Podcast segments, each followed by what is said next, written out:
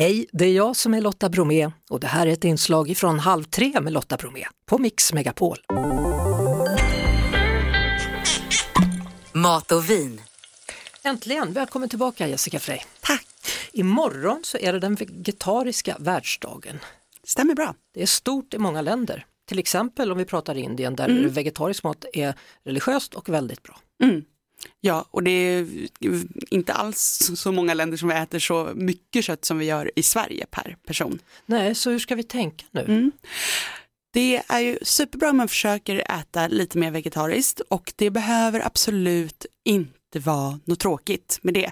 Det som är viktigt tycker jag personligen som också äter kött, det är att det får liksom inte bli smaklöst. Och då tycker jag att det man behöver tänka på är att få in mycket av umami, som är den här smaken som har varit i ropet lite senaste tiden. Men det handlar liksom om att få in den här mustigheten i rätterna. Nu är det höst och det är mycket grytor. Man kanske tänker sig, men kan jag laga en god härlig gryta som smakar lika gott som en biff bourguignon? Kan jag verkligen det? Ja, men du behöver också tänka lite som om du lagar med kött. Alltså om du ska ha lök, bryn löken ordentligt så att du får en bra grund. Sen så brukar jag nästan alltid ha i liksom soltorkade tomater till exempel om jag ska en vegetarisk gryta för att det ger den här djupet i smaken. Mm. Mörk soja är också kanon för att ge mycket liksom kropp. Rött vin också jätteviktigt tycker jag. Och sen brukar jag till exempel då ha kanske belugalinser, de här svarta linserna, för de är liksom bra spänst i, tål att kokas länge. Och sen så kan man ju också då ha liksom lite morötter och champinjoner och sånt som man har i en vanlig biff bourguignon till exempel. Och en mustig buljong. Då kanske med fördel lite svampbuljong så att vi får ännu mer liksom tyngd i den här rätten. Men, men det behöver inte vara så krångligt att tillaga vegetariskt. Absolut inte. Det är ju på ett sätt väldigt mycket enklare för att alltså med kött du måste tänka jättemycket på hygien och hit och dit och temperaturer och, och så. Det behöver du inte alls göra på samma sätt med det vegetariska.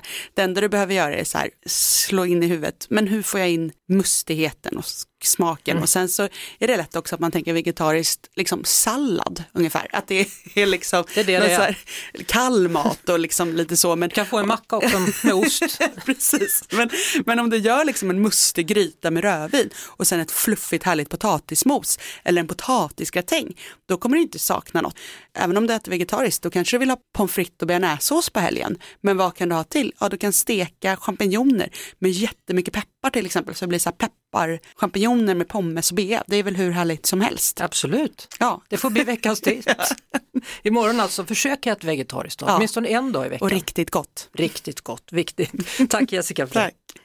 Vi hörs såklart på Mix Megapol varje eftermiddag vid halv tre. Poddtips från Podplay. I podden Något Kaiko garanterar östgötarna Brutti och jag, Davva, dig en stor dos skratt.